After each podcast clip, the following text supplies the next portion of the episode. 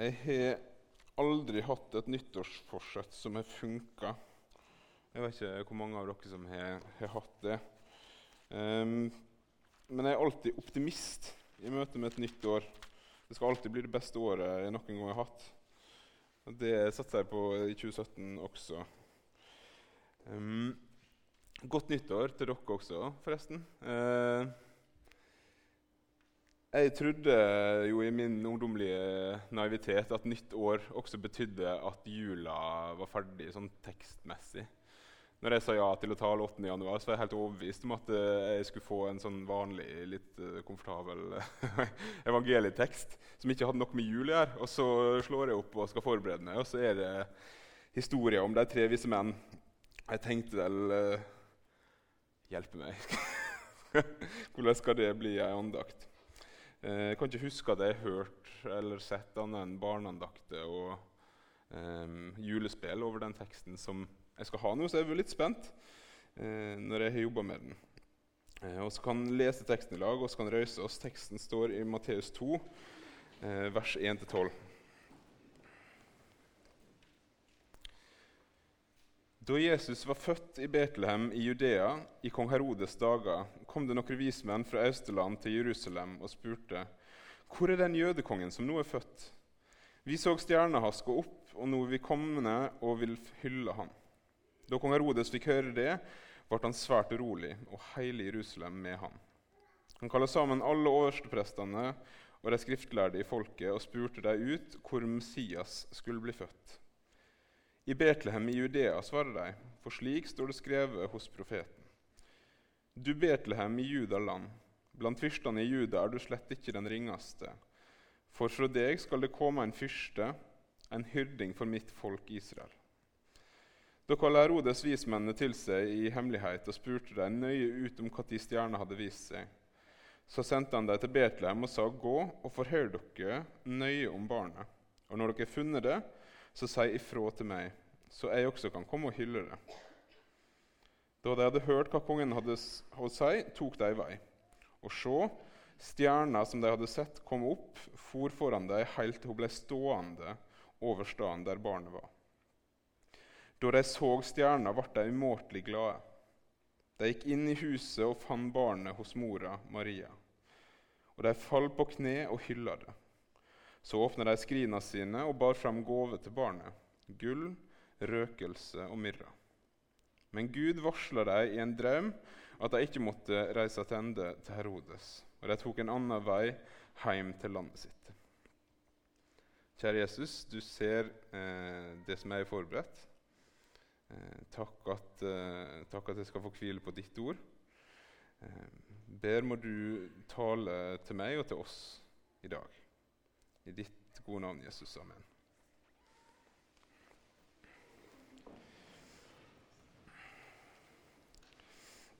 Eh, I denne teksten så møter oss altså noen vise menn. Jeg har lært at en skal si noen og ikke tre, fordi tre er bare tall på gåvene. Um, noen vise menn fra øst som har sett ei stjerne. Eller de har i hvert fall sett et eller annet på himmelen. Um, og på en eller annen måte så har de lest denne stjerna til å bety at en jødekonge skal bli født. Jeg aner ikke hvordan astrologi eh, funker, hvordan astrologer og andre som stjernetydere leser stjerner. Men for meg virker det hele nokså utrolig. fordi Ikke bare vet jeg at det er en konge denne stjerna skal peke mot, men det er en jødekonge. Det er ganske, ganske spesifikt. Ganske merkelige greier. De har i hvert fall kommet fra sitt land til Jerusalem, selvfølgelig til hovedstaden, for å hylle denne nyfødte kongen. Jeg vet heller ikke om det var vanlig for sånne vismenn jeg vet ikke om det var vanlig med vismenn engang. Eh, men om det var vanlig for sånne vismenn å reise for å hylle de kongene de eventuelt måtte se stjernene til på himmelen. Eller om det bare var ekstra viktige konger som fikk den æra at de tok ut eh, for å hylle. Eller om det var liksom greia der, at de så etter stjerner og så reiste rundt og hyllet konger. Jeg aner, aner virkelig ikke. Men hvis det var sånn at det var viktige konger de eh, ville møte, så har de i hvert fall truffet denne gangen. De er i Jerusalem og spør om en nyfødt jødekonge. Det overraska selvsagt Herodes, som har fått kontrollen over landet fra keiseren i Roma, og som er konge. Fordi han har ikke fått noen sønn. Eh, så når han får høre at det er en ny jødekonge, så hadde jo jeg også blitt litt satt ut. Eh, han blir urolig, og det blir hele Jerusalem også, står det. Han kaller med en gang sammen overprestene og de skriftlærde for å høre med dem hvor Messias skulle bli født. Når det er snakk om en nyfødt jødekonge som noen særfolk fra Østen kommer og spør etter, så spør Herodes med en gang de skriftlærde hvor var det Messias skulle bli født. Eh, visste, Herodes også visste med andre ord om at jødene venta på en Messias. De skriftlærde gir han svar i en profeti. Det er Betlehem han skal bli født. Så går de tilbake igjen til sitt daglige arbeid, virker det som. Eh, mens Jerusalem er i uro over at Messias kan være født. Ryktet går i byen. Har dere hørt det? Har dere hørt at Messias kan være født? Hva skjer nå? Herodes har en plan likevel. Messias eller bare vanlig konge. Eh, det er jeg som er konge her. En annen konge kommer ikke på tale. Dette her er mitt land, så han vil vite alt han kan om denne kongen. Og han vil drepe denne kongen. Så han overbeviser vismennene om at når dere finner denne kongen, hvis dere finner han, så kom tilbake til meg, så jeg også kan hylle han. Men så blir det skikkelig rart, syns jeg i teksten. Fordi den stjerna som har vist seg for deg en gang på himmelen og sagt at det er en jødekonge som skal bli født, kommer nå til syne igjen og beveger seg på en måte som jeg er ganske sikker på at ikke er vanlig for stjerner å bevege seg på. Eh, den går foran deg, som ja, jeg vet ikke, er det der ledestjerneuttrykket kommer fra, kanskje. Eh, går foran deg helt til den stopper over den plassen der ungen er. Stjerne, ja, jeg, jeg, har sett en del stjerner i min tid, og de stjernene som oppførte seg sånn, er som regel ikke vært stjerne, men et helikopter eller et eller annet. Um, men denne stjerna stopper altså, og de blir overlykkelige. Um,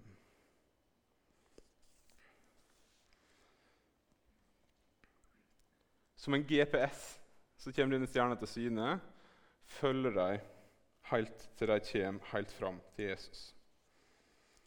Og Der møter de tenåringsmora Maria og sønnen Jesus. Og de blir overlykkelige. Altså, de blir, eh, de blir så glad fordi de har funnet denne kongen. Så kommer de inn foran han, faller på kne, tilber og gir han gave. Og så avslutter teksten med at de får en drøm som advarer dem om å gå tilbake til Herodes. Hva er, det, hva er det, denne teksten sier oss? Eh, hva er det denne teksten har å si til meg? Eh, det har jeg grubla på de siste dagene. Det første er Jesus er jødene sin konge. Han er ikke bare jødene sin konge, men han er kongene sin konge. Han er Messias, den som er lova, og bør dermed tilbedes som Messias.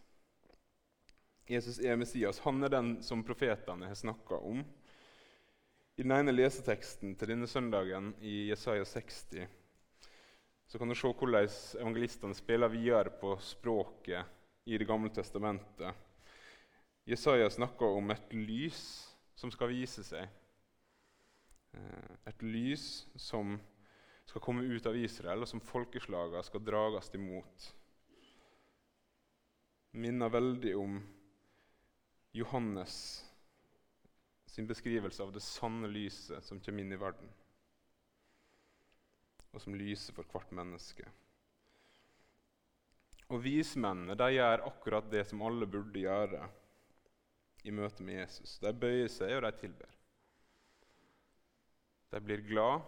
Først blir de glad over å ha funnet ham. Så faller de på kne, og så tilber de.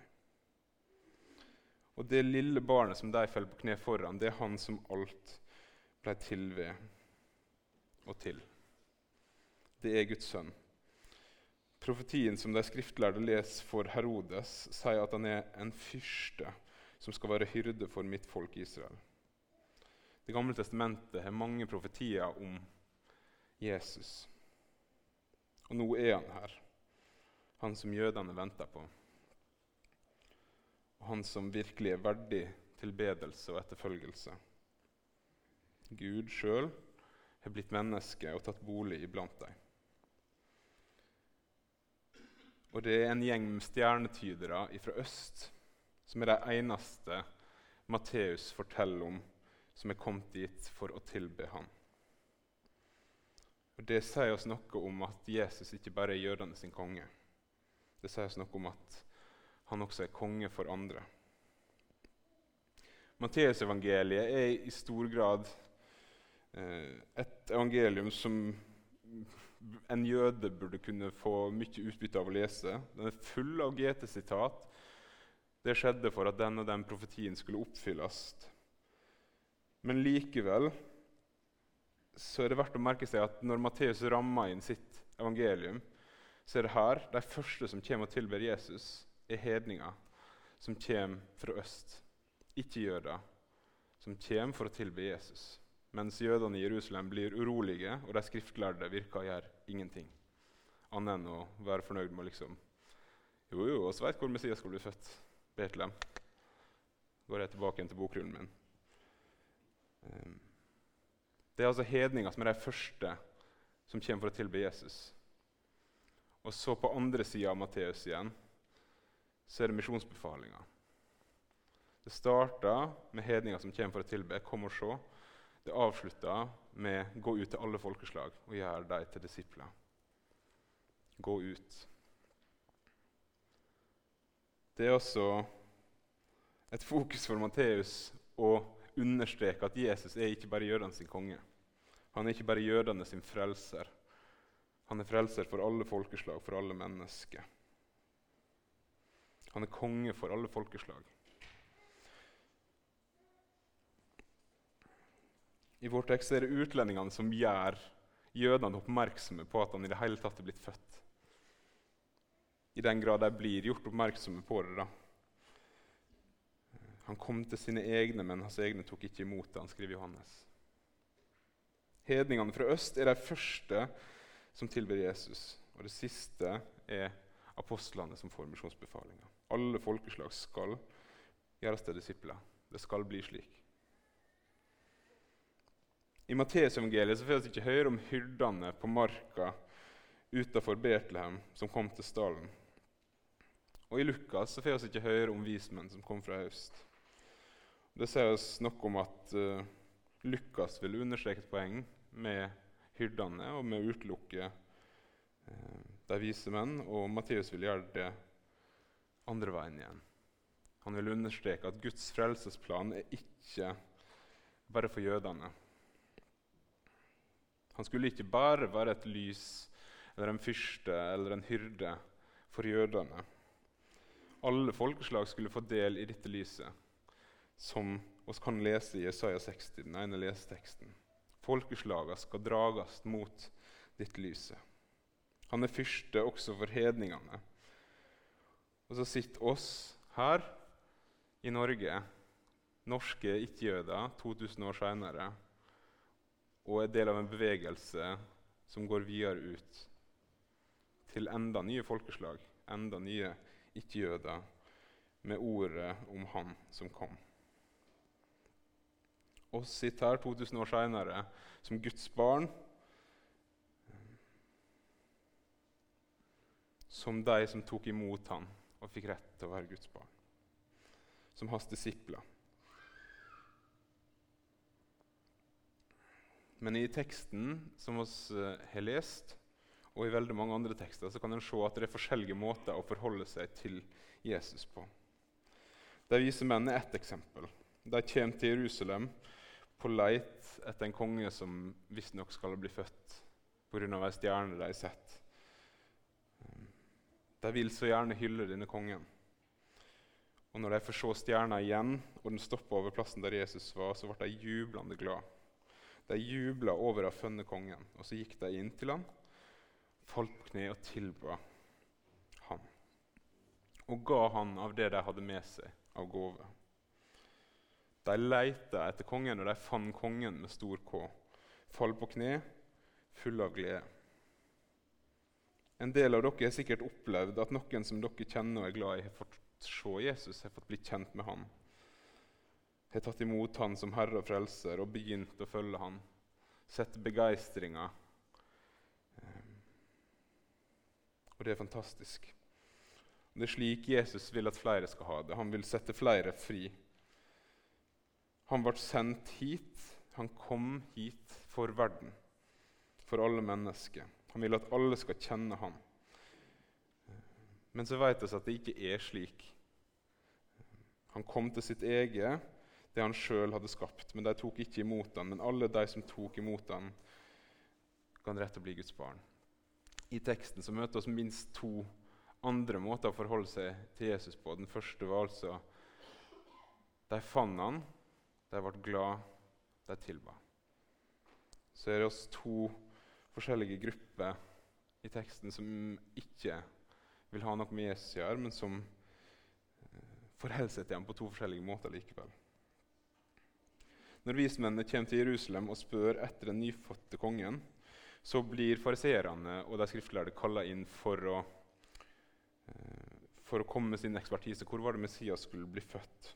De kommer, de sier profetien og hva by det var og så gjør de ikke noe mer.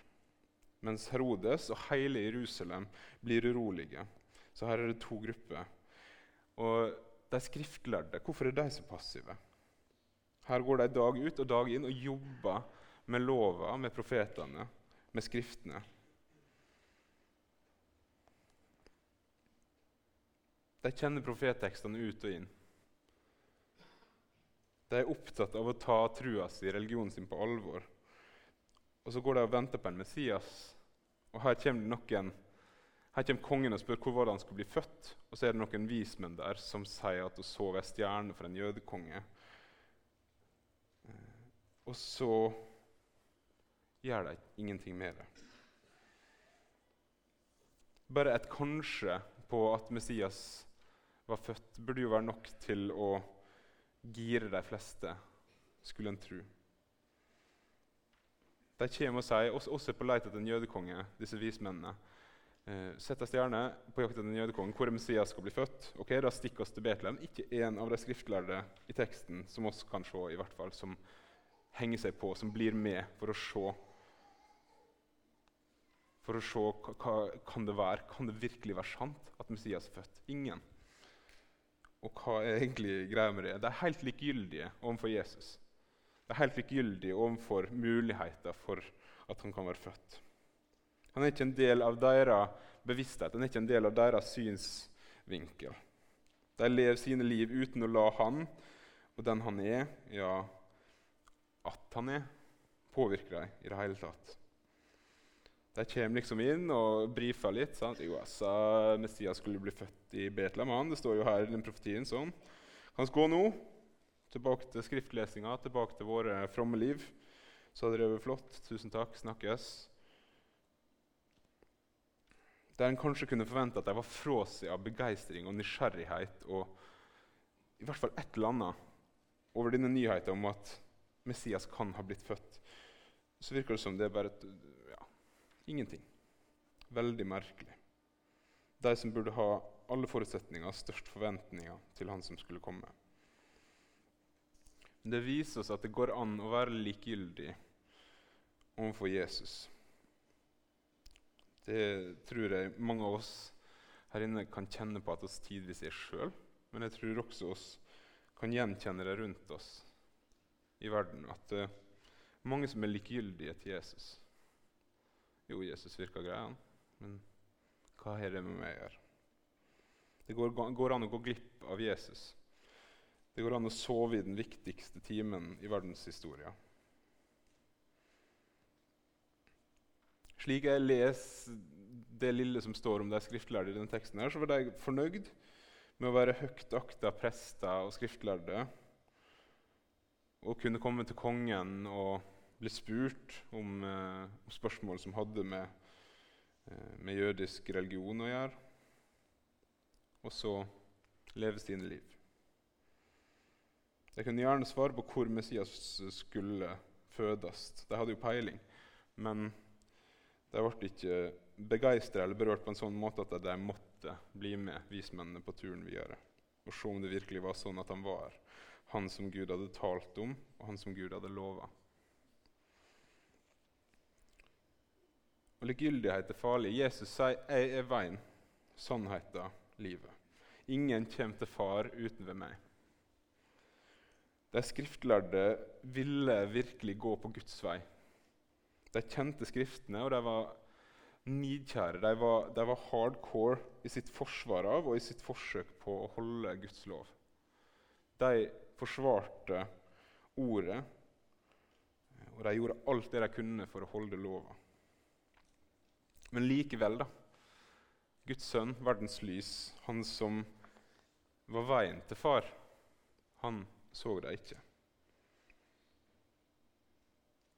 Og du kommer ikke til Faderen uten gjennom Sønnen. Det sier Jesus sjøl. Det er den eneste veien. Det er ved å være Jesus sin, ved å kjenne Han, at oss kommer til Far. Det er det Han har gjort for oss, at oss er frelst.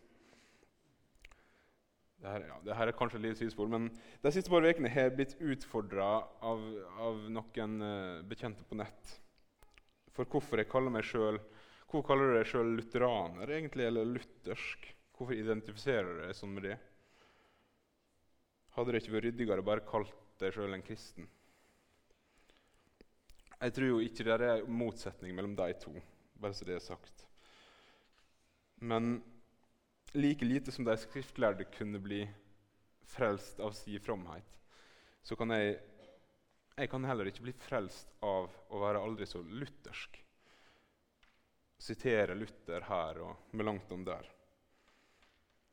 Jeg er ikke Luthers skinn. Det at jeg er luthersk, betyr ikke at jeg først og fremst er Luthers skinn. Det betyr ikke i det hele tatt at det er Luthers sin. Det er først og fremst Kristus sin. Det er det som er veien. Det er han som er veien til far. Jeg er Guds barn gjennom at jeg er Kristus sin. Det er viktig å minne seg sjøl på eh, at hvis noe noen gang blir viktigere enn det å kjenne Jesus, enn det å faktisk være hans sin Om det er aldri så luthersk eller hva, hva nå det er Uansett hva det er som kommer i veien, så bommer jeg.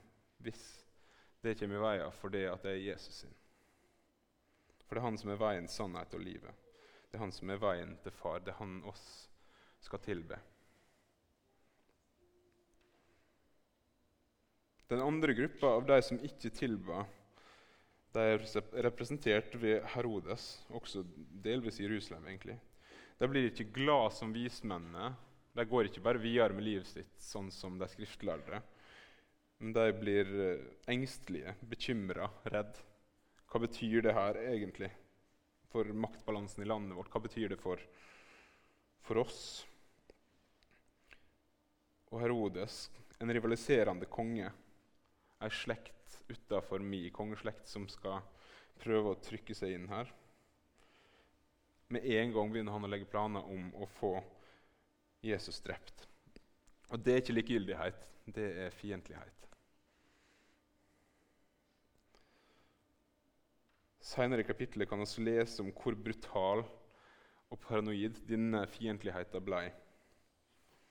Jesus og familien fikk advarsler og flykta til Egypt fordi Herodes ville drepe Jesus. De kommer seg trygt til Egypt, men Herodes vil forsikre seg om at det ikke er noen barnekonge i Betlehem. I teksten vår så spør han ut vismennene nøye for å vite når var det stjerna viste seg, hvor gammel kan denne kongen være, og finne ut at kongen kan ikke være mer enn to år. Så da går han hen og får alle guttebarn i Betlehem fra null til to drept. Han skyr ingen midler for å bli kvitt denne kongen. Herodes var fiendtlig i møte med Jesus. Han så, så, Jesus som en rival, han så han som ei, ei hindring. Oss også kan og kommer til å møte fiendtlighet mot Jesus og mot hans navn. Og mot oss som har lyst til å følge etter ham. På en eller annen måte så vil oss alle møte det. Mange av dere har sikkert merka det på en eller annen måte allerede. At det kan koste å si at du er kristen. Om du ble mobba på skolen, eller noen på jobb som ikke liker det, og slenger drit eller baksnakker, eller folk som sier uten å ville gå inn i en samtale, en diskusjon, bare høvler over det du står for, og det du tror på. Det er helt idiotisk. Det er et eventyr. Du er, en, du er en dust som tror på det her. Mange som kaller Gud, eller sier at hvis Gud er virkelig, så må han være en sadist, en morder, en despot.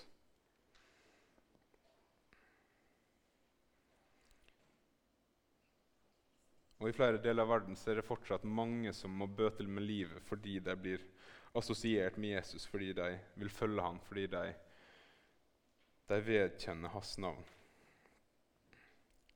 Mange var på Jesus' tid, det så oss jo i at han ble korsfesta. Og nå, i vår tid, fiender av Jesus. Han som kom for alle mennesker, har mange fiender blant de han ønsker så sterkt å frelse. De han ønsker å beskytte, de han ønsker å gi evig liv. Er du her i dag som enten er likegyldig eller fiendtlig i forhold til Jesus. Da vil jeg invitere deg til å komme til han, for han er ikke likegyldig i forhold til deg. Og til de som er hans fiender, som kjemper mot han, vil jeg invitere deg til å legge ned våpnene, for han ønsker å gi deg fred. Han har forsona verden med seg.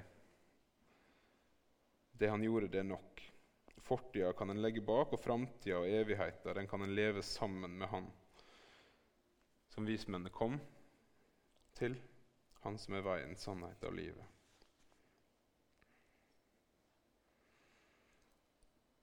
Vismennene, de hedningene fra øst, var de første som tilba Jesus som konge i Matteus. En ganske usannsynlig gjeng, egentlig. En sær, særgjeng. Det er ikke som, ja. Jeg, ja. Som sagt, jeg aner ikke hvor vanlig det var med stjernetydere. Men uh, ja. Det, de kommer. Uh, og jeg har sett stjerna til en jødekonge. Det, jeg ja, syns fortsatt det er utrolig rart. Det er det første som skjer i Matteus, så å si, at de kommer og tilber Jesus. Og det siste som skjer, er at apostlene og oss med dem får beskjed om å gå videre ut. Jesu frelsesverk, Guds frelsesplan og hans kongedømme er ikke begrensa til ett land eller ett folkeslag. For så elsker Gud verden, står det. Han som vil at alle mennesker skal, bli frelst. Han som i Kristus forsoner verden med seg sjøl. Verden, alle mennesker. Det er inklusiv begrep. Han vil være frelser for alle, han vil være konge for alle. Han ønsker at det gode budskapet om han skal nå enda lenger ut. At enda flere som går i mørket, skal bli dratt mot det lyset som han er. Det sanne lyset, livets lys. Han ønsker at mennesker fra alle folkeslag og tungemål skal gjøre som vismenn og komme til han, falle på kne takke og tilbe. Vismennene var glade når de fant Jesus. Og det er ikke så rart. For den som finner Jesus, eier nok både for livet, for døden og for evigheten.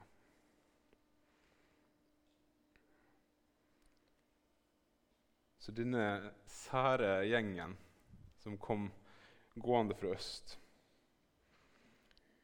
viser oss veien inn til Han som er veien. Jeg skal be til slutt. Kjære Jesus, takk for at du kom. Eh, takk at du kom og tok bolig blant oss og ble vår, vår bror. Takk at du var villig til å komme.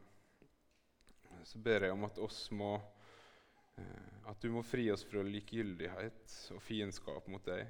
At oss må eh, komme til deg med det som tynger av, eh, av synd, av sorg og og andre ting. At oss må få leve forlikt med deg. I din fred, i, i, din omsorg, med det håpet som du gir. Jeg ber for det nye året må du velsigne oss, familiene våre, menigheten vår. I ditt navn, Jesus. Amen.